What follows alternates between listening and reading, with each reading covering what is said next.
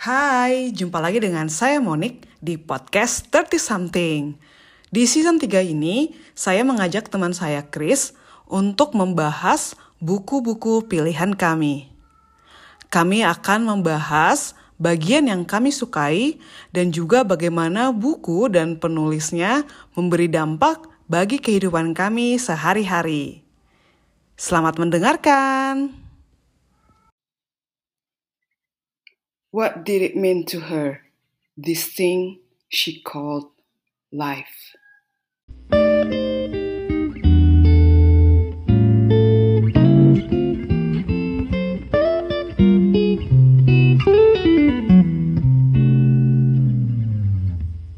lancar.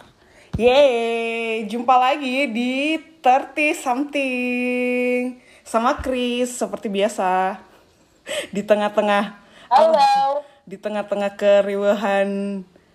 Itu riuh kenapa ya Chris Eh, menikmati hidup gitu kali ya?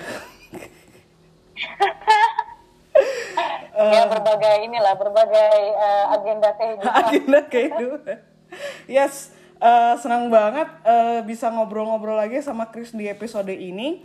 Dan eh, kali ini kami akan membahas eh, bukunya Virginia Woolf yang Mrs. Dalloway yang mana kalau menurut pengakuan Chris sudah dibaca eh, udah berarti udah berapa dekade satu setengah dekade lalu ya Nggak tahu berapa dekade.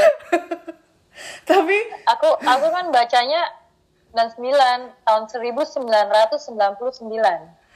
tapi tapi Chris tau nggak sebenarnya aku tuh kadang karena eh, kita dulu pernah berinteraksi waktu di ND terus kayak ngobrol-ngobrol dan sekarang. Sebenarnya aku nggak aku aku tuh nggak ngerasa gap umur kita itu besar gitu loh sebenarnya. Itu itu good things ya. Wow, bagus dong. itu bagus ya. Itu hal yang bagus ya. Jadi sebenarnya ketika kamu bilang Harusnya sih bagus ya. ketika kamu bilang kamu udah baca buku ini like tahun sem- 1999 which is aku pas SD gitu aku tuh kayak kemudian disadarkan kembali oh oh ya ternyata kita punya gap umur segitu amat gitu.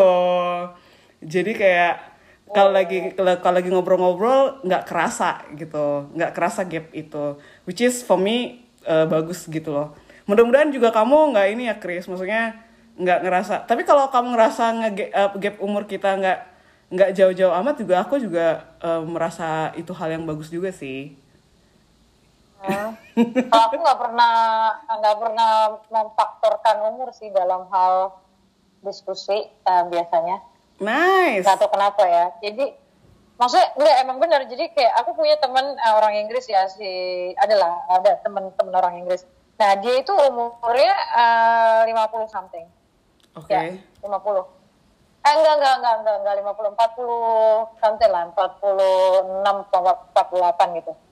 Tapi eh, dia nyambung banget tuh eh, kalau diskusi atau apa gitu sama aku. Jadi aku nggak pernah menganggap itu ada gap. Jadi kayak tergantung isi diskusinya gitu. Kalau kalau diskusinya lancar-lancar aja, yes berarti eh, gap itu nggak nggak kerasa iya benar-benar benar dan aku pikir tuh salah satu eh, apa namanya bentuk relasi eh, yang aku pikir sehat ya jadi nggak bawa-bawa ah kamu masih muda nggak usah Ya. ngomong gitu nggak maksudnya nggak bawa-bawa kayak gitu atau kamu Iya. eh, apa so bijaksana ya karena udah makan banyak asam garam kehidupan kayak gitu jadi menurutku itu hal-hal kayak gitu juga toxic juga ya at some point gitu Iya, ta- tapi itu nggak fair kan kalau misalnya gini, aku mikir kamu uh, sebagai uh, orang yang lebih muda dari aku, aku akui kalau kamu lebih well read gitu. Misalnya kamu tuh uh, lebih ekstensif ininya, apa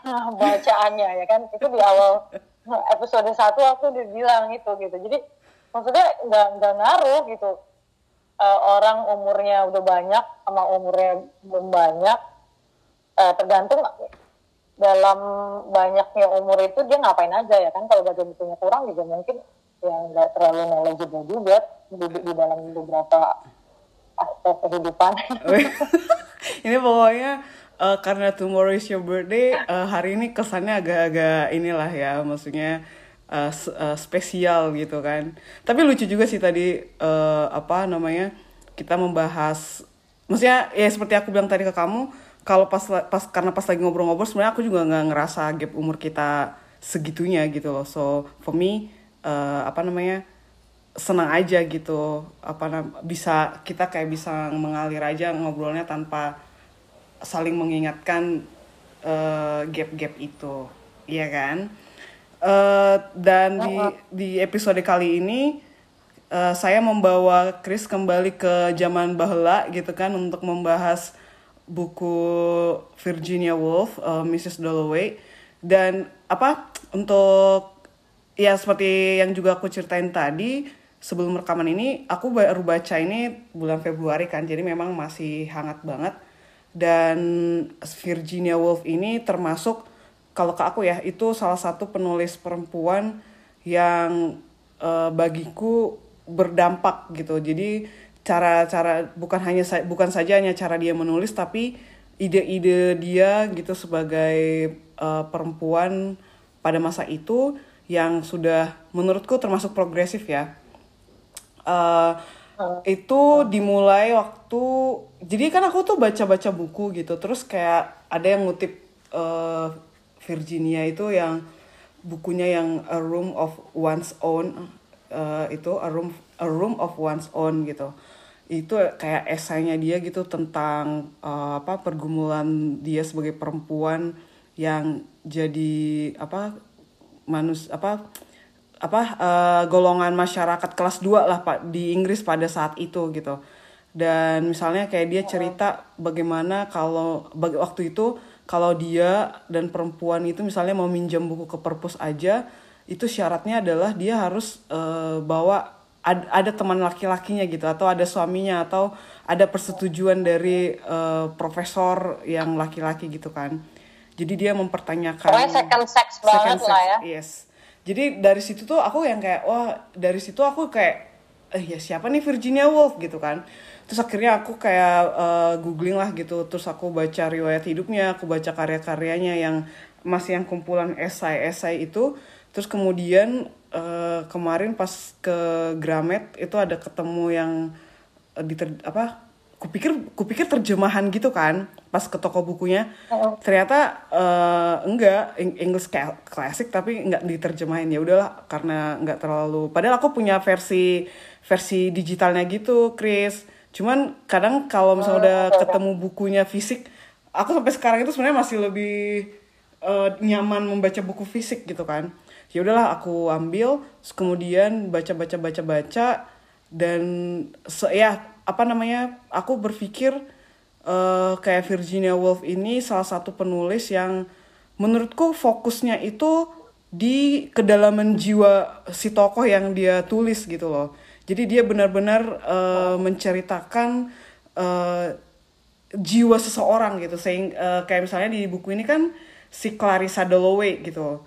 Uh, dia seorang istri seorang perempuan seorang ibu uh, sebenarnya suaminya bisa dibilang yang punya jabatan gitu kan.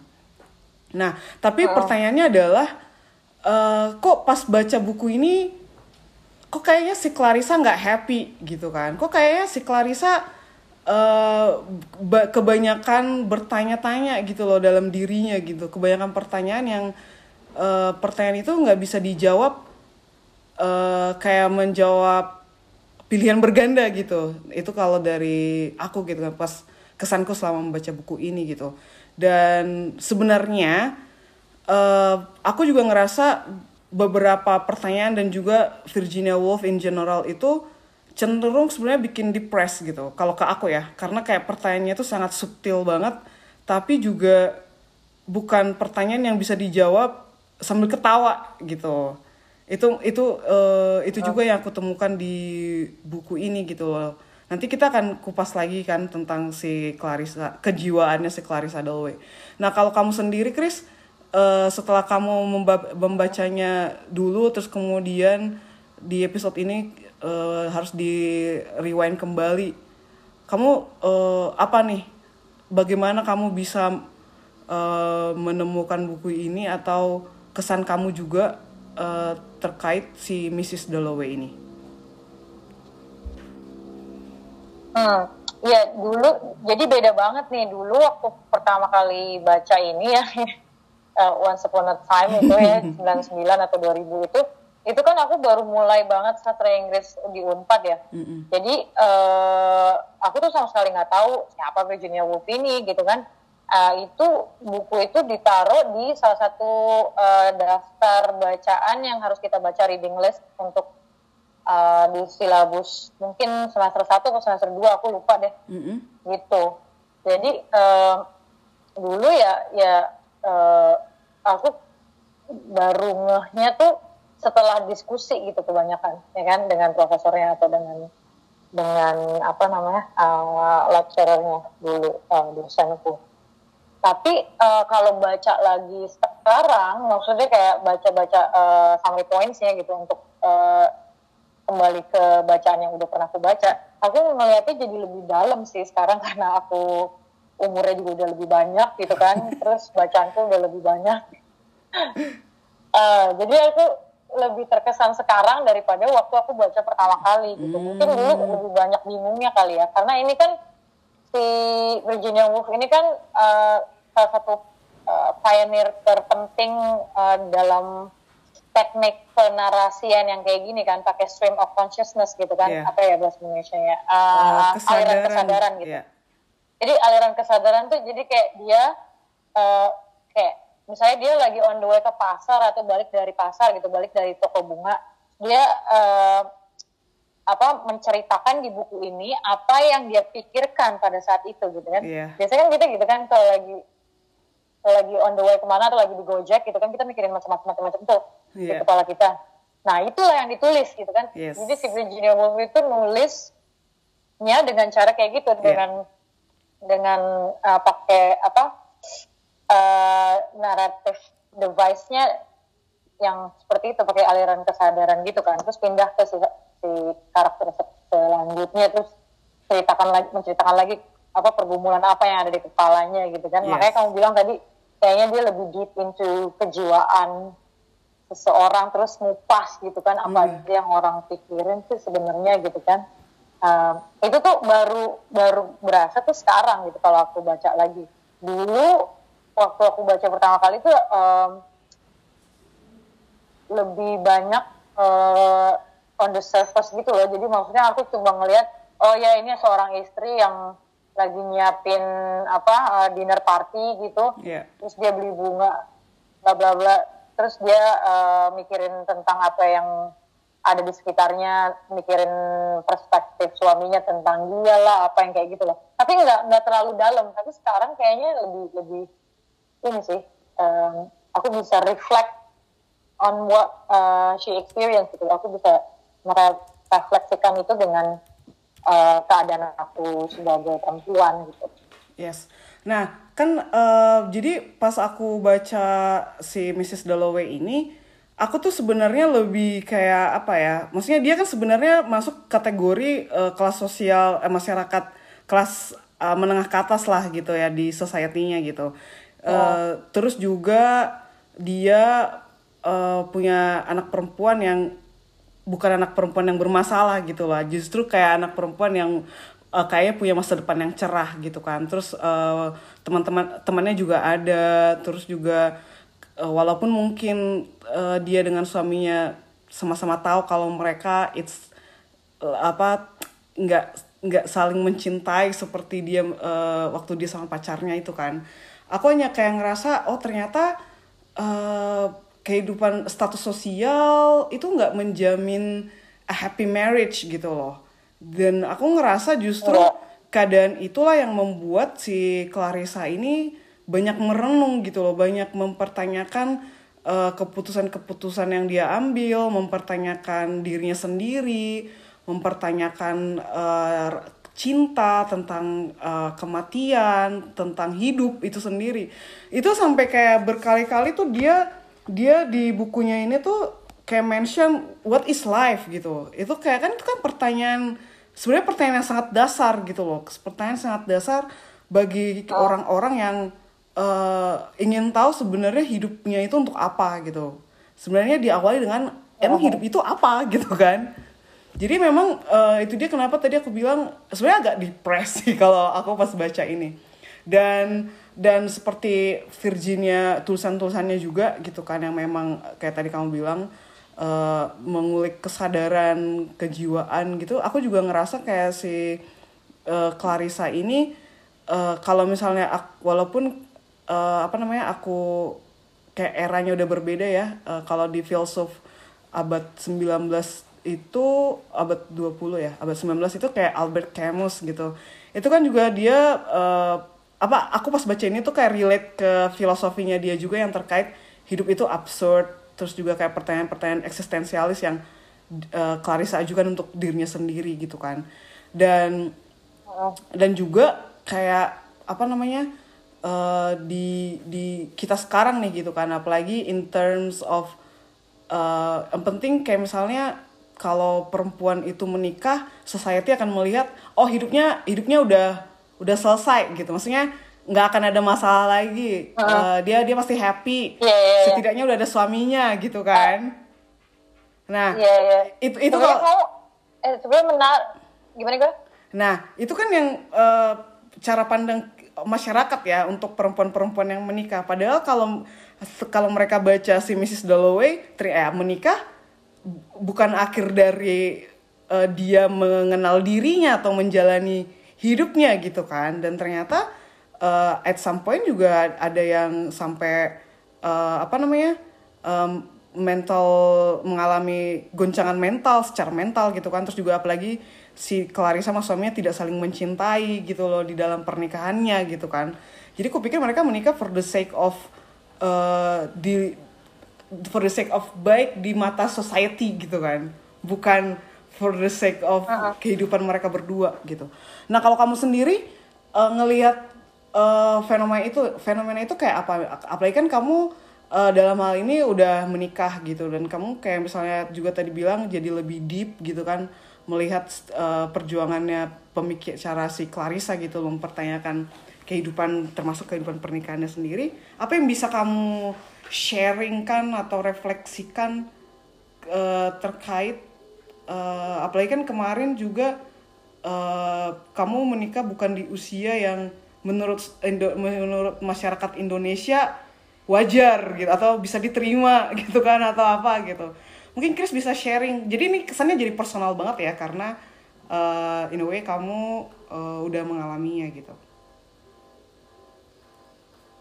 Hmm, kayaknya kok sebenarnya case by case basis ya. Maksudnya uh, yang aku share mungkin uh, akan beda dengan uh, orang lain uh, kalau dia uh, apa konsep pernikahan seperti apa gitu kan nggak bisa disamaratakan obviously uh, ininya apa disclaimernya Uh, tapi kalau aku sih uh, bisa relate sama apa yang uh, si. Dalloway ini ah apa ya Clarissa Dalloway ini bukan rasa bukan ya oke okay, rasakan dan pikirkan gitu uh, apalagi uh, dia kan hidupnya bukan sekarang gitu kan yeah.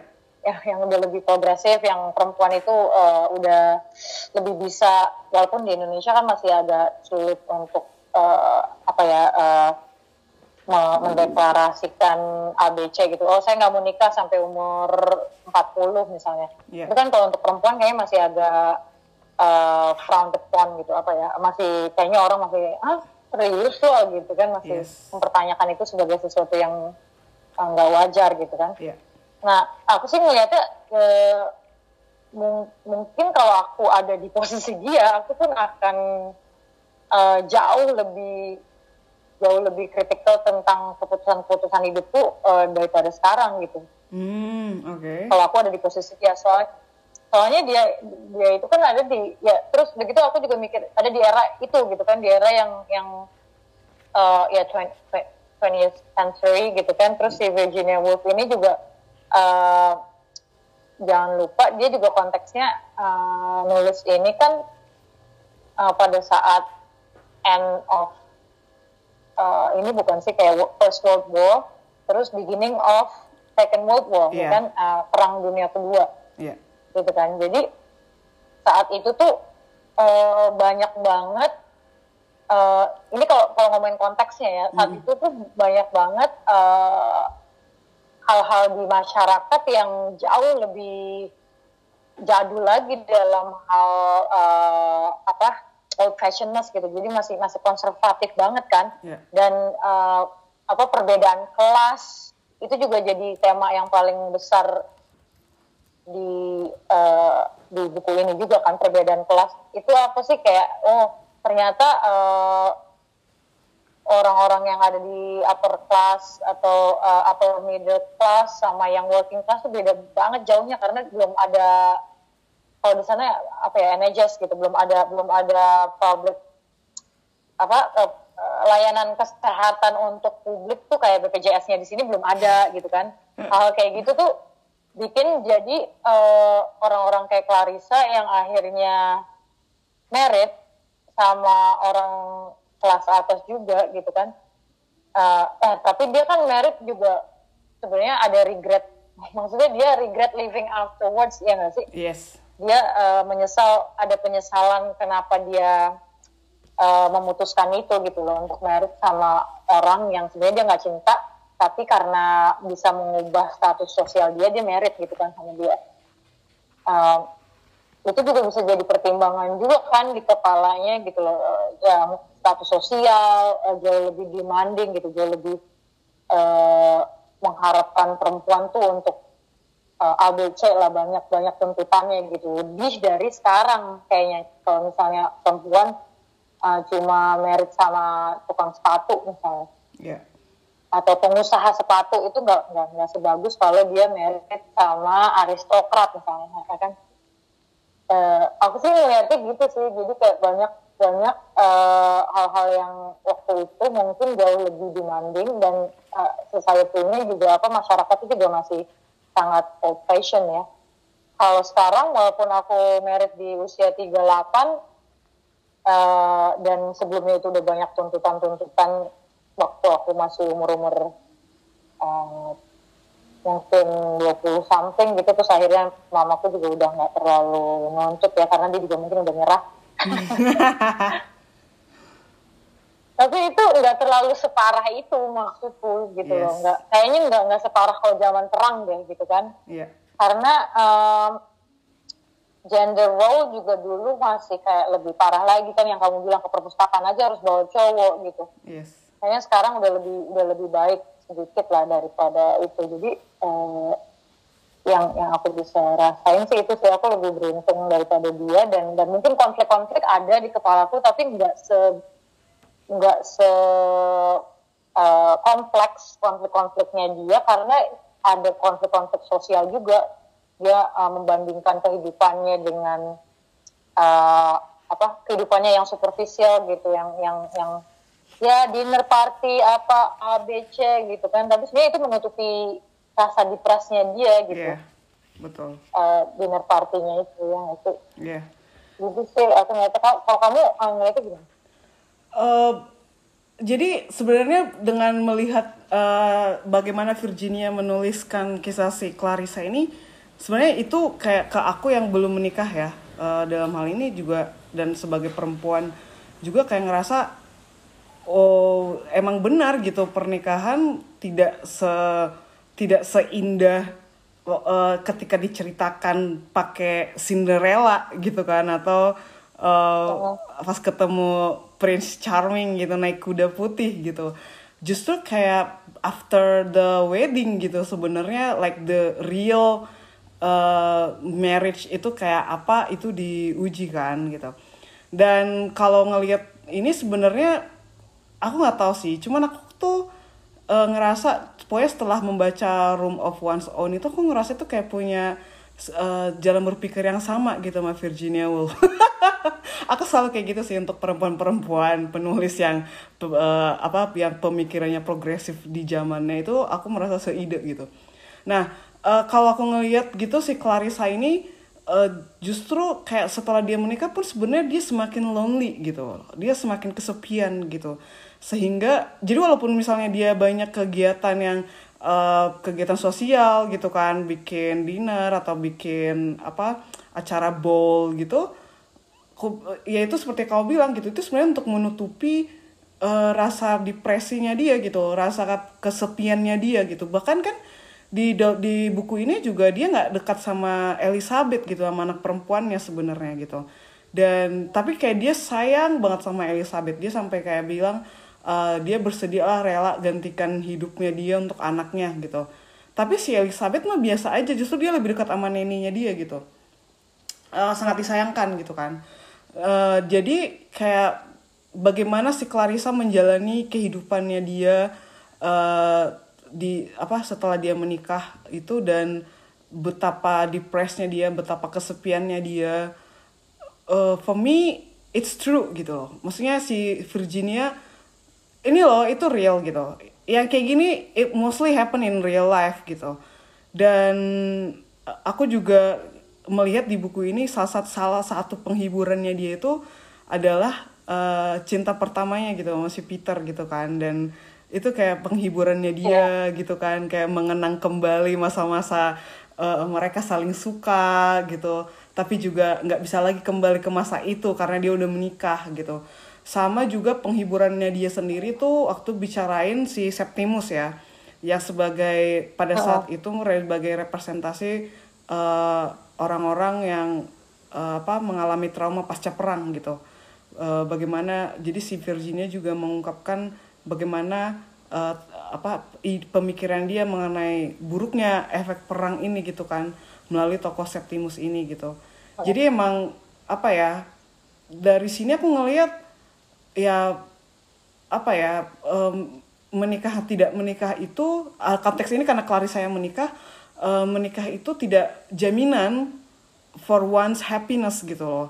Dan justru ketika dia uh, semak justru inilah si Clarissa justru dia kesepian di tengah-tengah keramaian gitu kan. Bahkan ketika dia bikin acara dinner party udah ada temannya juga di situ dan uh, apa bertemu dengan perempuan-perempuan lain atau segala macam itu tidak tidak otomatis membuat dia jiwanya terisi gitu loh.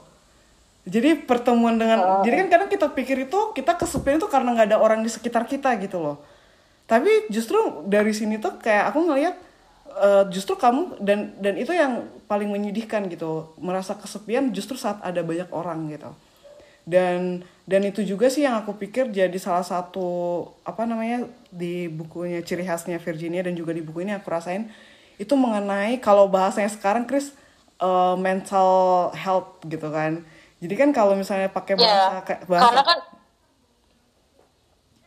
karena kan si Virginia juga kan ini kan uh, apa uh, memang dia ya. uh, mentally diagnosed uh, bipolar disorder gitu pernah yes. ya kan dia kan emang emang emang uh, punya si penulisnya ini jadi sebagai konteks gitu si penulisnya ini juga memang didiagnosa uh, punya bipolar gitu jadi dia juga mentally pernah apa ya terus di apa dikirim ke uh, rumah sakit Sanatori, iya. uh, jiwa gitu kan, gitu kan? Iya. jadi uh, aku sih semacam ngelihat a little bit of Virginia di Clarissa Dalloway gitu jadi yes, ada yeah. ada reflect ada reflect reflektif karakter karakteristik lah menurutku menurutku ya Iya, uh, aku juga ngerasa hal yang kan, sama. Karena kan Gimana? Aku juga ngerasa hal yang sama. Kan uh, kan di sini karena, juga uh, dia um, gimana gimana? Kan di sini juga uh, si Clarissa kan juga nulis uh, cerita kan dia juga uh, kehilangan sisternya dia ya meninggal. In real life juga si si Virginia juga kehilangan adik perempuan kesayangannya gitu loh.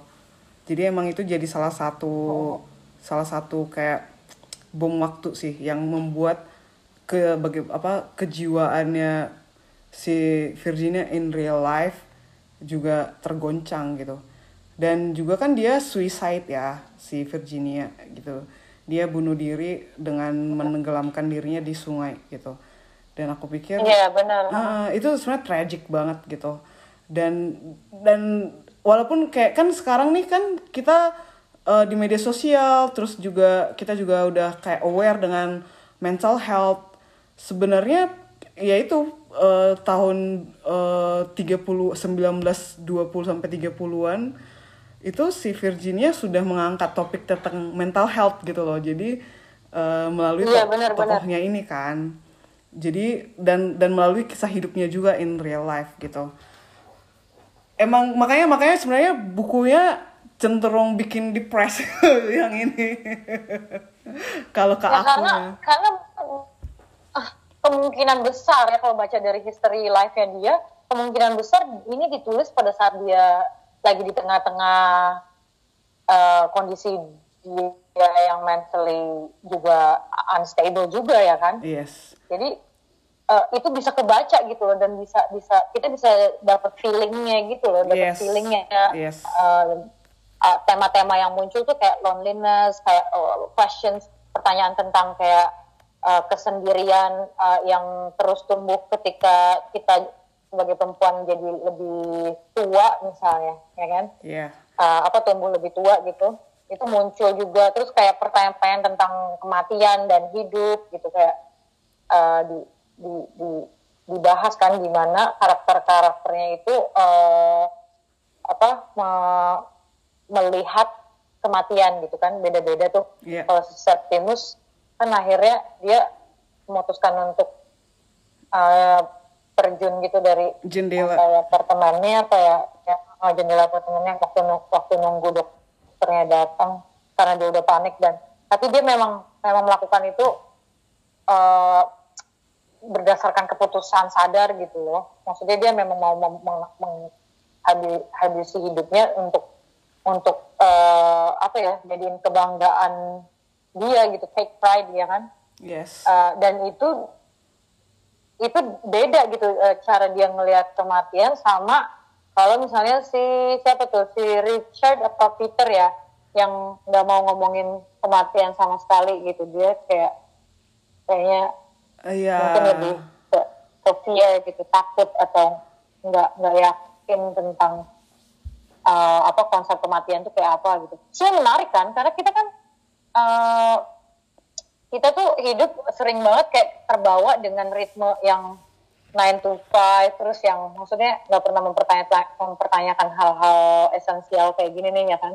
Yang Yes. kayak sebenarnya uh, hidup kita tuh apa? Terus kematian tuh kayak apa gitu. Terus bagaimana kita akan menghadapi itu suatu hari nanti gitu. Itu kan kayaknya agak agak jarang dibahas ya nggak sih? Biasanya di beberapa di beberapa masyarakat mungkin kayak masyarakat Indonesia kalau misalnya kita ngomongin kematian tuh eh jangan jangan ngomongin itu ya gitu. Ya nggak sih? Banyak banyak hal yang kayak gitu tuh kayak di topik yang kayak agak Iya. tabu untuk dieksplor nggak sih? Nah Padahal- kalau di buku ini tuh malah di, di yes. dieksplor gitu loh. Yes, dan dengan jujur ya, apa eh, si apa namanya tadi pas kamu bilang, cuman memang aku jadi ngerasa eh, kayak in in real life itu kan si Virginia tuh suaminya kan juga lumayan suportif ya, maksudnya dia dapat support dari suaminya eh, di tengah-tengah situasi yang kayak gitu. Dan ini juga tergambarkan dari si ini eh, istrinya si Septimus gitu yang tetap menemani eh, tetap setia. Ya. Iya, wal- waktu si Septimus lagi tra apa lagi apa eh ke trigger gitu kan. Dia tetap walaupun dia kayak dia nangis nangis dia apa gitu tapi tetap dia tetap nemenin gitu. Jadi juga kayak support system ya. Eh itu juga penting banget gitu. Jadi walaupun eh, apa namanya ya aku juga nggak tahu sih. Cuman di pernikahannya ini si Clarissa dapat support system dari mana ya gitu. Makanya dia sampai kayak depres kayak gitu sampai apa namanya banyak merenungkan tentang hidupnya tentang kematian tentang segala macam dan juga eh, menjawab pertanyaanmu tadi eh kupikir karena membahas kematian dan bagaimana kita harus hidup dan apa itu hidup itu cenderung bikin depres itu kenapa banyak orang menghindari membahasnya juga kan sebenarnya gitu. Kayak apa sih? Entah yang enak-enak aja nih bahas yang bikin happy gitu. Padahal kayak eh, ini ini juga bagian dari hidup nggak sih gitu. Dan eh, speaking of ini juga ya eh, apa gejolak batin dan jiwa seorang istri dan juga seorang ibu gitu. Uh, in a way dia yang kesepian dia yang sendirian gitu. Uh, menurutku juga banyak dialami oleh istri-istri dan ibu-ibu di luar sana gitu. Dan mungkin ya Chris juga udah baca berita itu eh, seorang ibu di Brebes itu yang apa eh, aku sebenarnya sedih banget gitu karena ketika ditanya kenapa dia eh, ingin membunuh eh, ketiga anaknya itu eh, alasan ibunya adalah eh, dia tidak ingin anak-anaknya itu menderita seperti dia gitu. Which is si ibu itu juga uh, korban dari suami yang abusif dan juga keluarga yang uh, ya miskin dan dan kayak udah di udah ini menurutku udah level depres aja gitu. Udah kayak kalau levelnya depresnya itu udah levelnya si Septimus lompat dari jendela gitu sebenarnya. Jadi dia Iya, iya, iya. dia ini Nah. sama ibu apa sama meng, me- alasannya itu menurutku di satu sisi bagiku ya mungkin agak-agak kontroversial tapi alasan itu sebenarnya sangat menyentuh sekali gitu. Itu sangat mulia sekali sih eh, alasan si ibu itu melakukannya. Walaupun dia diduga sama ya eh, mengalami goncangan men secara mental juga tapi cara dia alasannya dia alasannya si ibu itu untuk eh, membunuh anaknya adalah untuk menyelamatkan anaknya dari penderitaan yang mungkin akan eh, anak-anaknya alami juga atau bahkan jauh lebih parah dari pengalaman yang dia alami sendiri gitu. Eh, ya mungkin itu jadi salah satu pengingat juga sih Chris apa namanya aku nggak tahu sih apa yang perlu diingatkan dari kisah yang kelam ini Chris mungkin kisah, kisah kelam yang mana nih? Ah, yang ini aku mau komentar yang masalah yang ibu yang di Brebes ini ya. Heeh. Berda, apa aku ngelihatnya eh, ini kayak semacam kayak yang kamu bilang reminder apa eh, pengingat gitu. Tapi bukan cuma pengingat biasa-biasa aja. Itu kayak kalau aku sih ngelihatnya pengingat untuk sistem yang ada di Indonesia juga gitu support system yang ada di Indonesia dalam hal mental mental health awareness gitu. Aku ngelihatnya begitu baca berita itu ya, aku yang ada di kepalaku tuh langsung eh, mental health problem gitu. Maksudnya ini pasti eh, aku sih punya feeling dia eh, udah ada di satu stage yang sangat depressed gitu, Yeah. yang udah udah udah bener-bener parah banget depresnya dan itu undetected ya kan. Iya. Karena kan kalau di Indonesia kan, eh, I mean, aku nggak me- meren- aku nggak mau merendahkan usaha-usaha eh, aktivis-aktivis eh, mental health yang udah ada di luar sana ya, karena emang udah banyak gitu sekarang. Cuma kalau secara sistematis itu memang kita masih baby steps nggak sih? Kayak maksudnya yang ada di, di sekeliling kita apa ya kalau tinggal di desa gitu kan? Kalau misalnya eh misalnya aku punya anak tiga aku nggak bisa ngasih makan anakku anak-anakku misalnya nggak bisa ngasih makan anak-anakku terus suamiku juga misalnya eh, abusive gitu itu aku tuh nggak bakalan punya tempat cerita yang heart to heart gitu kebanyakan Yes. atau kayak yang beneran nggak judgmental yang dia bisa kasih professional apa ya eh, advice gitu kasih kasih kasih eh, saran yang yang mungkin lebih baik untuk kejiwaanku gitu loh Iya. Yang yang ada tuh mungkin pressure ya kan? Nah kalau misalnya aku sih ngeliatnya kalau misalnya aku akan eh kalau aku depres terus maksudnya clinically gitu secara emang hormonku eh, kalau orang depres tuh ini dalam definisinya secara klinis ya. Jadi maksudnya bukan yang cuma sedih aja biasa gitu tapi memang memang ada chemical imbalance emang emang di otak eh, kita ada perbedaan apa struktur uh, substance kimianya gitu kan um, beda gitu kan sama orang kebanyakan. Nah itu kan harus benar-benar di ini ya harus benar-benar di treat gitu. Yes. harus benar-benar uh, pada stage stage awal itu udah udah harus di, ditindaklanjuti gitu kan harus ada support systemnya gimana caranya. Tapi ya itu dia kalau misalnya di masyarakat yang belum ada support systemnya yang seperti itu ya mesti banyak kampanye tentang mental health uh, problems and how to ini ya bagaimana cara kita tuh merangkul yang ada di sekitar kita gitu loh Uh, kalau misalnya karena itu bisa siapa aja nggak Yes. nggak harus Betul. uh, bisa jadi kayak sahabat kita yang ada di sekitar kita yang kelihatannya happy happy aja gitu kan Yes, betul. Uh, bisa jadi siapa aja gitu bi- bisa bisa bisa sepupu kita siapa aja yang ada di sekitar kita itu kayak kayak pengingat sih menurutku Iya dan bisa kamu orang. bayangin juga si ibu ini nggak punya support system gitu loh. Kayak eh, betapa dia lonely banget gitu depressed eh, nggak ada orang yang support dia nggak ada orang yang bisa diajak bicara eh, nggak ada orang yang mendukung dia gitu. Jadi eh, kayak ini tuh puncak dari mungkin juga udah bertahan bertahun-tahun ya maksudnya hingga dia akhirnya mengambil keputusan itu dan itu bukan aku yakin itu bukan keputusan yang mudah gitu. Dia bahkan udah mempertimbangkan banyak hal tapi there's no way gitu. Dan ini juga eh yaitu dia pas aku baca juga beberapa artikel kan itu kayak dikaitin juga dengan kemiskinan struktural gitu. Bahwa banyak eh, Iya, iya. banyak masyarakat masih banyak di antara kita itu yang eh, apa ya depres karena miskin karena udah berusaha sekeras apa pun ya tidak menghasilkan apa pun gitu. Justru kayak membuat mereka itu makin depres gitu makin kesepian makin eh, ya jalan satu-satunya ya bunuh diri gitu.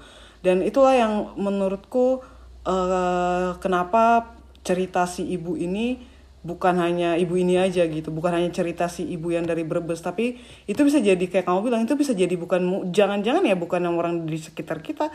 This could be also our gitu loh our story gitu loh at some point. Nah mungkin nggak tahu ya mungkin kita ngerasa tapi dengan different level gitu mungkin kalau kita eh, mengalami apa apa yang dialami oleh ibu ini. Jadi aku pikir memang eh, selain pentingnya support system itu juga eh aku juga nggak tahu ya tapi memang ya aku ya itu lagi ya maksudnya lagi-lagi pertanyaan-pertanyaan tentang hidup pertanyaan-pertanyaan tentang eh apa sih tujuan hidup ini kenapa sih kita hidup ini segala macam itu mungkin ya itu dia perlu dijawab di awal gitu loh. Tapi kan sebenarnya ini bukan pembahasan yang akan mendatangkan 10.000 ribu eh, audiens gitu. Justru pertanyaan yang yang yang dihindari gitu loh. Karena ya betul ini ini tidak menyenangkan tapi tapi kita harus melewati ini for our uh, own sake gitu kan.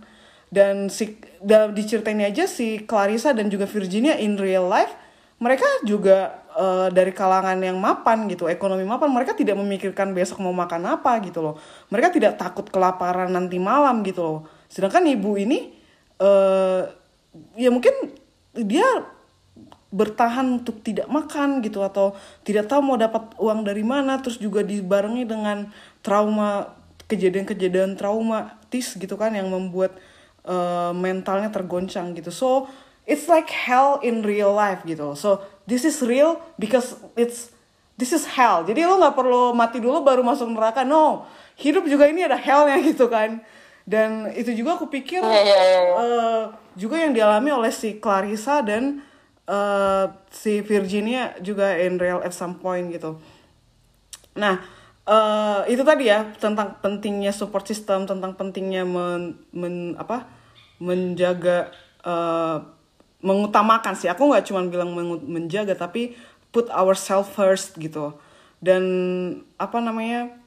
Aku jadi berempati sih, maksudnya jadi kayak berpikir eh, banyak perempuan-perempuan menikah, perempuan-perempuan yang sudah jadi ibu yang kesepian gitu atau yang kehilangan identitas dirinya. Eh, aku juga tuh pernah dengar Chris kayak cerita temannya temanku gitu yang at some point dia dia udah punya anak gitu kan eh, bayi gitu lah. Pokoknya masih kecil. Si temannya ini kayak pernah ngaku dia tuh pernah ngerasa kayak ya udah anak ini mati aja gitu anaknya sendiri gitu saking dia in the stage of Ini kayak baby blues gitu. Yes, kayak baby blues gitu. Eh, dan kan di society kita juga hal-hal seperti itu kan menerima hal seperti itu enggak ya, maksudnya justru kayak perempuannya yang semakin ditekan gitu loh, si ibunya yang semakin disalahkan gitu. Jadi mungkin aku hanya kayak berpikir mungkin kita dan masyarakat kita eh, bisa mengalami eh bisa mengalami lagi bisa lebih membuka diri ya eh, untuk lebih eh, terbuka terhadap eh, hal-hal yang kan sebenarnya kalau mental health ini eh, seperti kamu bilang Chris nggak kelihatan kan gitu kita bisa kayak ketawa Nggak kayak gini ya. kita bisa kayak menunjukkan our life is fun uh, terus kayak living my life gitu tapi deep down we don't know ya kayak- apalagi dengan sosial media. Yes. ya di sosial media sekarang apalagi ya eh, jadi aku banyak baca tuh tentang eh, ini apa namanya eh, penelitian yang membuktikan bahwa ternyata sosial media itu banyak dan trigger eh, depression gitu. Malah lebih dalam lagi depression dan suicide thoughts. Yes. Itu karena uh, kan orang kan banyak yang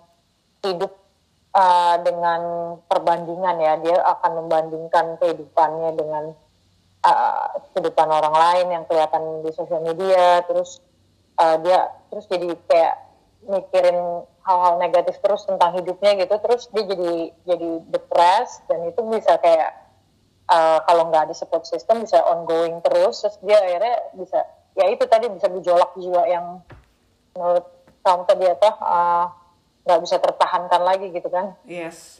Ya itu itu uh, salah satu ya ini sih tantangan hidup di 2022 kayaknya deh menurutku kayak tambahan tantangan. Jadi kalau tadi kan yang aku bilang ya mungkin hidup di pasca perang waktu itu uh, tantangannya yang class divide atau segala gitu kan. Nah kalau sekarang tuh divide-nya kelihatannya dari uh, sosial media gitu jadi apa yang orang uh, tunjukkan sehari-hari bisa jadi uh, men-trigger kita jadi feeling depressed gitu. iya Aku ngeliatnya gitu sih.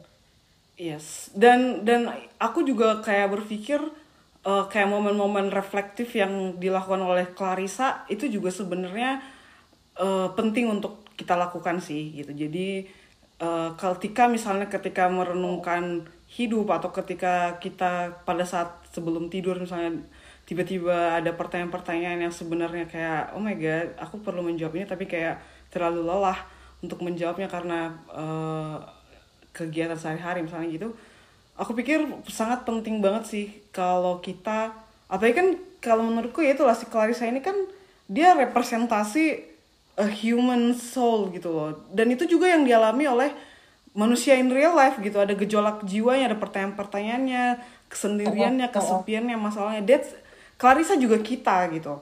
Jadi menurutku sangat penting juga eh, kita melakukan momen-momen reflektif ini gitu loh. Momen-momen eh, Iya, iya, untuk benar. untuk diam sejenak untuk berhenti eh, kemudian kayak melihat ke dalam ya. Kan kalau kayak Clarissa juga dia melihat dirinya dia mempertanyakan keputusannya dia menyesali ada beberapa keputusan di masa lalu terus dia segala.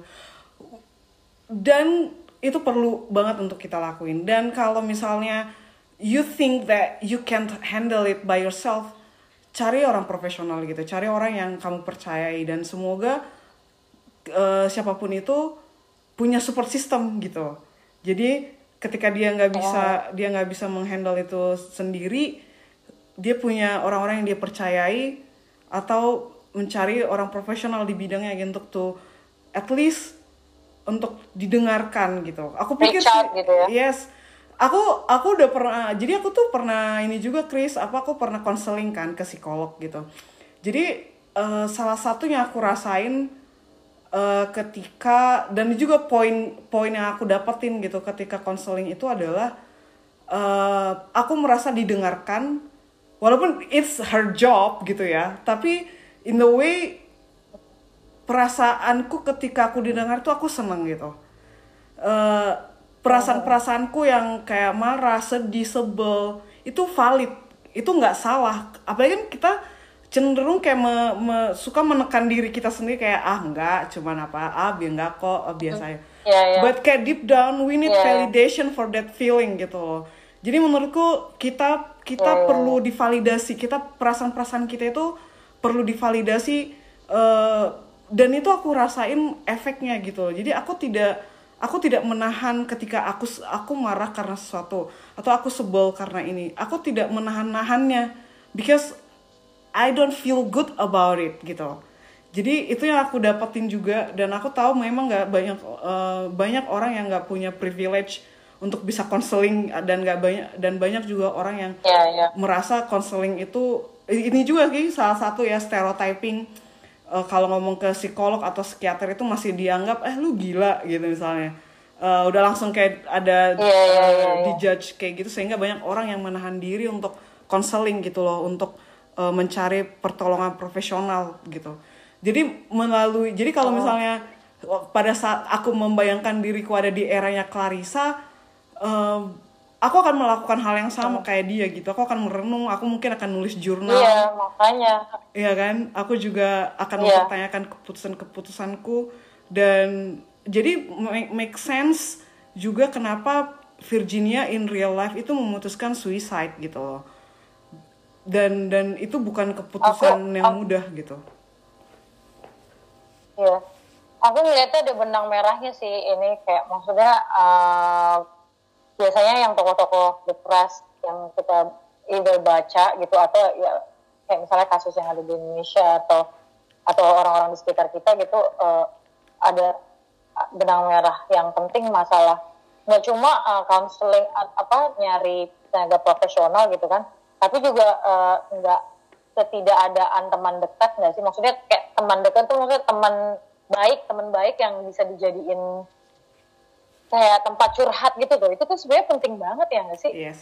aku ngeliatnya eh, itu penting gitu. Punya temen yang bisa diajakin ngomong tanpa eh, dia judge eh, keputusan kita gitu. Jadi dia dengerin kalau pas kita lagi kalau kita lagi sebel bete apa kenapa gitu. Terus dia dengerin gitu itu dia kayak melakukan jobnya counselor gitu loh eh, tanpa bayaran banyak. Banyak yang kayak gitu kan kayak sebenarnya kita tuh butuh itu kita butuh butuh teman. Jadi kalau misalnya diomongin di apa pun apa pun konfliknya kalau misalnya nggak nggak semua orang bisa nulis kayak Virginia Woolf kan gitu kan. Nggak semua orang bisa se sekompleks privilege itu ya kan Virginia Yes. Woolf kan dia lah dari upper class apa upper middle class gitu kan terus rumahnya juga di Kensington gitu Iya. dia dia punya dia dari keluarga kaya dia pu- punya banyak inilah untuk untuk naruh kompleks apa kompleksitas pemikirannya ke dalam tulisan gitu tapi kalau orang yang nggak bisa kayak gitu mungkin dia butuh sahabat ya nggak sih Yes.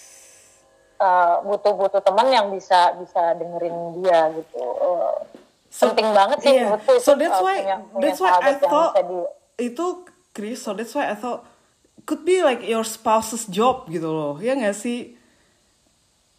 Bagi yang menikah ya. Iya, bagi iya, yang menikah ya. Oh iya, banget, banget, banget. Kalau kalau mau oversharing sedikit ya, maksudnya aku tuh eh, proses menikahnya beda kayak beberapa temenku atau banyak banyak orang lain yang aku tahu gitu. Karena aku pacaran sama suamiku sekarang itu eh, tujuh tahun sebelum eh, kita akhirnya married gitu. Oke. Jadi sekarang aku udah 9 tahun sama dia, tapi kita baru married 2 tahun gitu. Jadi jadi kita tuh udah jadi best friend dulu, istilahnya ya. Maksudnya kita Iya. udah kayak Tuhan pacarnya, maksudnya bener-bener eh, setiap ada masalah itu pasti diomongin gitu. Nah Iya. itu tuh jadi jadi semacam kayak my closest best friend gitu lah jadinya Iya. di teman-teman terdekatku adalah dia gitu. Jadi sekarang kalaupun ada masalah atau aku ada nggak suka apa, dia nggak ada nggak suka apa, itu juga kayak kita ngomongin karena it- ya maksudnya mungkin aku juga ada ada teman cewek yang lain, teman-teman perempuan yang lain, tapi nanti akhirnya kita Hmm, bicara iya. gitu karena itu penting sih menurutku kalau misalnya udah nikah juga eh, bukan berarti orang udah nikah tuh nggak butuh kawan gitu, nggak butuh teman. Iya iya betul betul. Karena ya Iya. itu kayak misalnya Clarissa, she didn't get it from her husband gitu loh. Dia bahkan Iya, nggak benar. bercerita dengan suaminya, tidak mengungkapkan kegelisahan-kegelisahannya terhadap suaminya kan gitu. Karena mereka at the first place mereka uh, don't love each other gitu loh.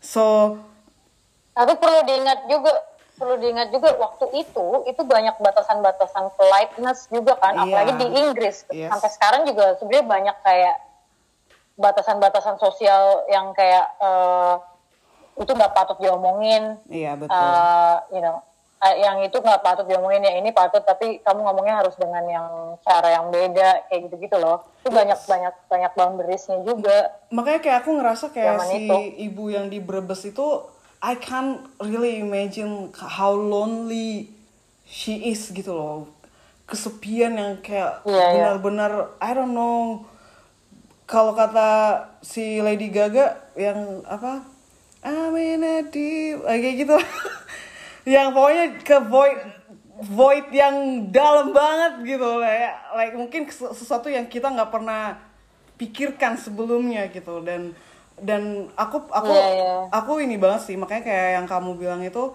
eh, aku setuju sih for people eh, semoga tapi aku juga nggak tahu ya Chris apakah all all all pasang couple itu punya privilege untuk itu gitu loh. Untuk they can be best friends before getting married or after I mean they don't have to. Mereka nggak harus jadi best friend. Maksudnya nggak harus semua semua hubungan kan beda-beda ya mulainya. Cuma uh, mungkin akan akan lebih, Lebih. membantu kalau Yes. kita punya teman untuk lebih membantu kalau kita punya teman bicara gitu. Mungkin kalau nggak suami kita ya tetap teman perempuan kita kalau kita perempuan gitu kan. Uh, yang yang bisa uh, ada di situ pada saat kita ngerasa down dan cuma butuh didengerin Iya. gitu kan. Kadang-kadang kan yang yang yang yang paling penting itu yang kamu bilang itu counseling function itu loh yang kita ngeras kita ngeluarin semua unek-unek kita tanpa harus dijudge lu sih gitu makanya lu jangan kayak gitu gitu kan. Kalau udah dapet kalau udah ada statement kayak gitu udah langsung lebih down lagi gitu kan. Yes, nah itu sih eh, ya menurutku ceritanya si Mrs. Dalloway ini tuh bener-bener kayak justru walaupun udah ditulis lama banget gitu kan, tapi eh, apa inti masalahnya itu masih relevan dan kenapa masih relevan hingga saat ini karena eh, buku ini menceritakan tentang jiwa manusia which is eh, relate ke kita sampai sekarang dan mungkin juga 50 tahun lagi atau mungkin eh, berapa abad lagi misalnya gitu. Dan eh, yang aku juga apa dapatin juga dari buku ini sih apa pentingnya pentingnya itu tadi support system pentingnya menemukan itu dan mudah-mudahan ya siapa pun yang dengerin podcast kita episode ini eh, di mana pun dia berada para ibu para istri eh, eh, spouses eh, yang mungkin lagi depressed atau lagi kesepian semoga bisa menemukan their best friend gitu. They can talk to someone dan eh, bisa apa namanya menemukan solusi yang berbeda mungkin. Eh, bisa di samping damaging their life mungkin selain membahayakan diri sendiri. Karena kayak eh, tricky banget kan Chris karena seperti yang kita sepakati mental health itu tuh nggak bisa kita lihat. Bukan kayak luka yang bukan luka luka bakar atau luka jatuh eh, ke batu gitu kan yang berdarah kita bisa lihat langsung. Kita bisa obati kita tahu mau ngapain gitu loh. So maybe for all people yang Iya. yang lagi dengerin ini eh, find help gitu dan eh, dan semoga menemukan orang yang mereka percaya sih jadi nggak usah kesepian banget gitu kayak si Clarissa Dalloway atau si ibu yang ada di Brebes. Aku bahkan nggak ingat nama ibunya. Eh, dan eh, ya potensi-potensi kesepian loneliness pun ya aku juga jadi terbuka mataku juga sih Chris eh, bahwa eh, pernikahan pun tidak menjamin eh, ketiadaan rasa sepi, rasa depres, eh, pe- eh, keinginan-keinginan suicidal gitu kan karena mungkin beban hidup atau beban mental gitu.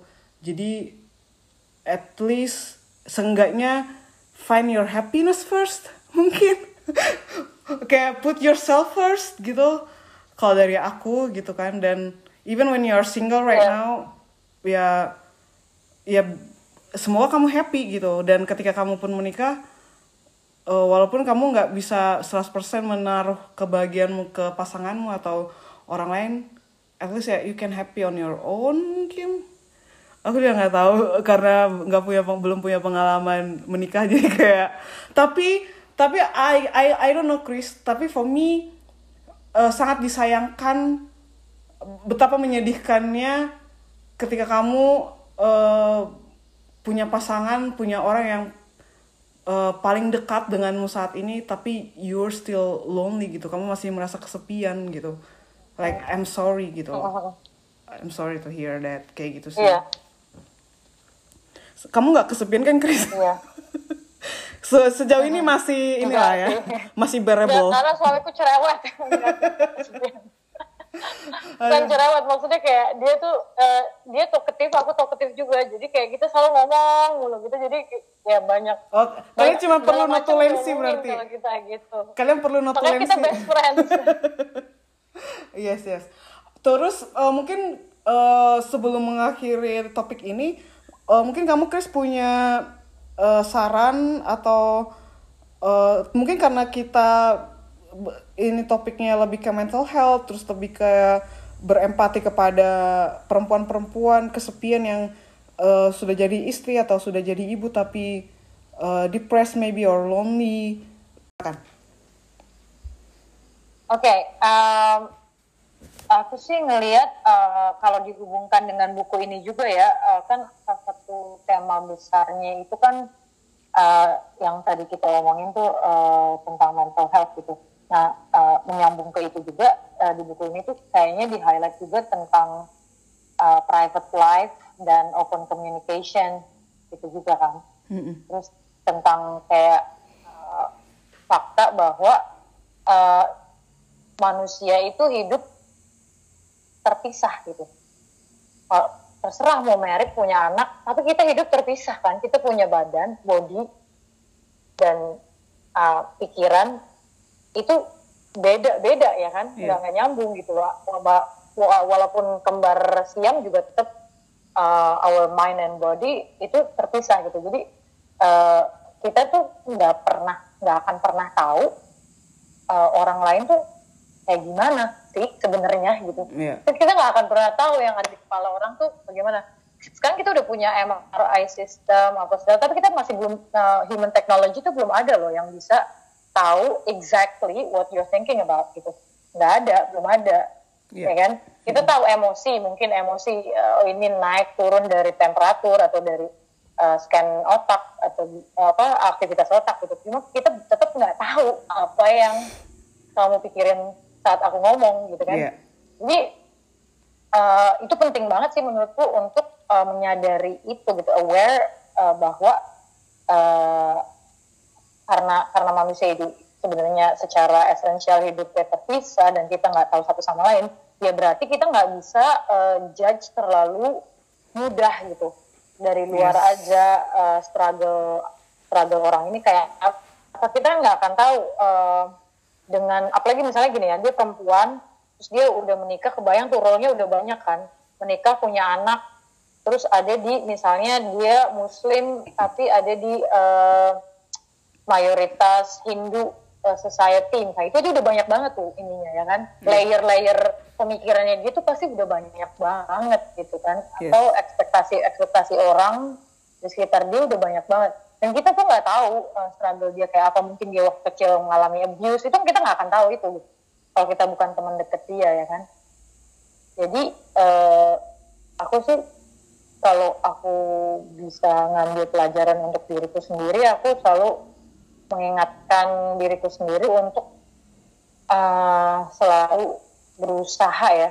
Maksudnya eh, selalu berusaha untuk eh, menyadari bahwa orang tuh pasti ada di sisi-sisi lainnya.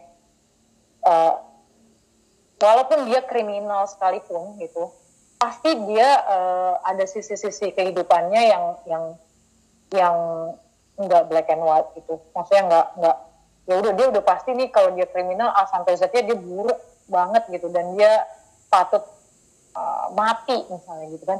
Itu kan itu penting ya Iya. uh, kita untuk berempati uh, sama orang karena kita nggak tahu struggle mereka gitu. Jadi aku sering melihat komen orang di sosial media tuh sekarang jadi agak terputus dengan eh apa ya eh, terputus dengan dengan esensi hubungan manusia dengan manusia gitu loh.